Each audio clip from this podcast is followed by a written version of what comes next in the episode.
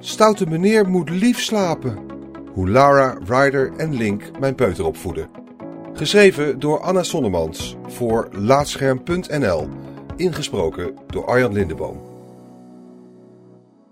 Deze hele stoute meneer wil Lara pijn doen. Maar je mag anderen geen pijn doen. Daarom zorgt het meisje ervoor dat hij gaat slapen. Mijn dochter van 2,5 knikt ernstig. Ik ook meisje in de sneeuw doen, mama? Ze krijgt een controle die niet is aangesloten en begint enthousiast op de knopjes te drukken. Beer moet ook lief slapen. S'avonds doet ze met haar armen alsof ze gaat boogschieten. Kijk, mama, zegt ze trots. Ik vraag me af of ik me bezwaard moet voelen en bedenk dat boogschieten een Olympische sport is.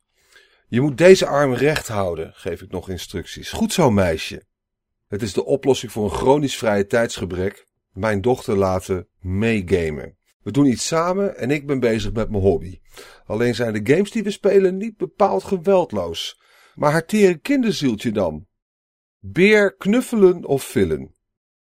Ik bedenk me bij voorbaat excuses als ik Peter Nikken benader over het onderwerp. De hoogleraar mediaopvoeding bij de Erasmus Universiteit en lector jeugd en media bij de Hogeschool Windesheim laat weten dat er heel weinig onderzoek is naar het effect van gewelddadige games op peuterleeftijd.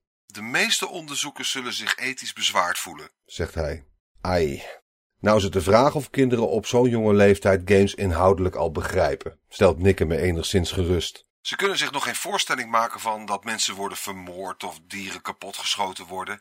Zo weten we dat nieuwsbeelden over oorlog aan heel jonge kinderen voorbij gaan. En wat zien ze in games nou eigenlijk echt, zegt hij. Het meisje gaat de beer knuffelen, vertel ik aan mijn dochter. Ik denk dan, het meisje pakt haar mes om de beer te villen, maar dat voelt hij toch niet, want ik heb een dozijn kogels door zijn berenlijf gejaagd. Wat we daadwerkelijk op het scherm zien? Lara die staat bij een liggende beer. Dat er onfrisse dingen met die beer gebeuren, vul ik zelf in. De beer respawnt na een tijdje. Mama, kijk, de beer is wakker. Oké, tot dusver was ik mijn handen in onschuld. Dat ik leugentjes om best wil vertel over wat er met de mensen en dieren op het scherm gebeurt, kan niet echt kwaad, denkt Nikke. Hij vindt het bovendien goed als kinderen samen met hun ouders leren dat je plezier kunt beleven aan media. Lamzakken van Prodromos. Dochterlief is inmiddels bijna drie. Lara heeft half Siberië in de as gelegd, duizend plus mensen en dieren in slaap gepiefpafpoeft en ligt lekker op de love seat in Croft Manor boven het graf van haar moeder. Maar dochterlief wil meisje kijken. Papa gaat eens goed zitten voor Breath of the Wild. Nee, niet meisje met paardje. Sorry, Link. Ander meisje. Ha, dat betekent dat ik mag. Even later rijdt Sarah Ryder met haar brakke buggy over Eos op zoek naar de brakke droid. Een topprioriteit waarvoor de overlevering van meerdere galactische volkeren wel even kan wachten. We zoeken een grijze vlek, zeg ik, terwijl Ryder rondspringt in het zand. Daar is hij, mama, daar is hij. Inderdaad, missie volbracht, beste lamzakken van Prodromos. Door een peuter. Just saying. Als ik de game pauzeer om wat anders te doen, horen we ineens gegrom uit de huiskamer. Dochter staat lachend met de controller in haar handen. Ryder loopt kalm, onder hevig vuur van meerdere cat, rechtstreeks een klif af. Oh, meisje vallen, zegt dochter met een pruilip. Meisje pijn. Hoewel ik onder de indruk ben dat ze Ryder bestuurt, voel ik me licht bezwaard over de confrontatie van de Pathfinder met de bodem van de ravijn. Ook dit is niet gevisualiseerd, maar vallen is een handeling waar een peuter zich wel een voorstelling bij kan maken. Kijk, we mogen het gewoon nog een keer proberen, probeer ik. In het spel dan. In het echt kan dat niet als je van zo hoog valt.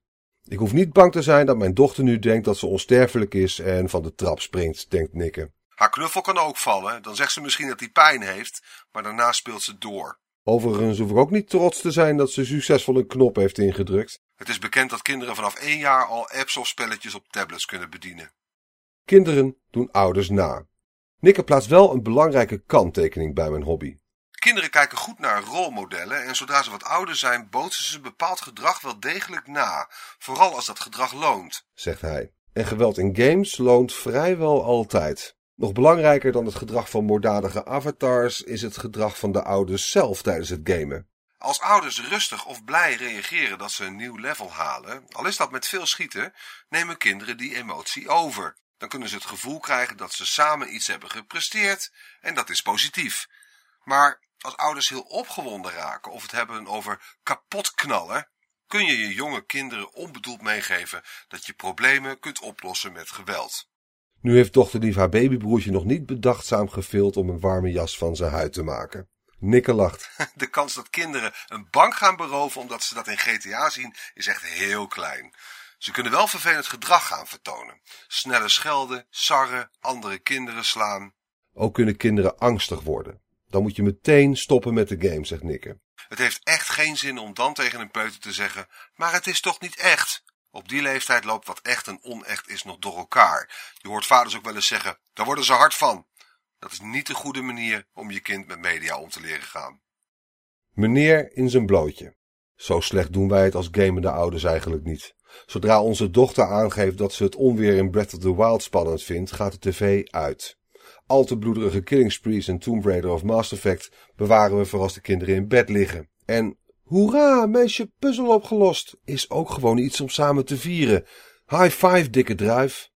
Of Lara, Ryder en Link mijn peuter dan ook nog wat kunnen leren? Je kunt best benoemen wat je in een game ziet. Dit is een beer, dit is een plant, dit is sneeuw en dit is zand. Dat kunnen ze leren. Heel simpele verhaalstructuurtjes snappen ze ook, zegt Nikke. Zo heeft ze geleerd dat je je kunt verstoppen in de bosjes, dat paardjes nat worden in de regen en dat sommige mannen nu eenmaal graag zonder shirt rondlopen. Hé, hey, meneer is een blootje, dat is best fris. Die moet jas aan doen. En heel soms kan ik zelf ook nog wat leren. Over je fantasie gebruiken bijvoorbeeld. Een half uur tergend saai planeten scannen op mineralen in Mass Effect Andromeda houdt zowel dochter als zoon met open mond aan de buis gekluisterd. S'avonds voor het slapen lees ik de oudste een prentenboek voor over de sterren. Ze wijst elke glinsterende stip aan. Daar zijn we geweest, mama. En daar. En daar. We zijn hier allemaal geweest. Dankjewel voor het luisteren naar Laatscherm voorgelezen. Abonneer je ook op onze podcast Praatscherm. En ga voor deze en meer verhalen, gesproken of geschreven, naar laatscherm.nl.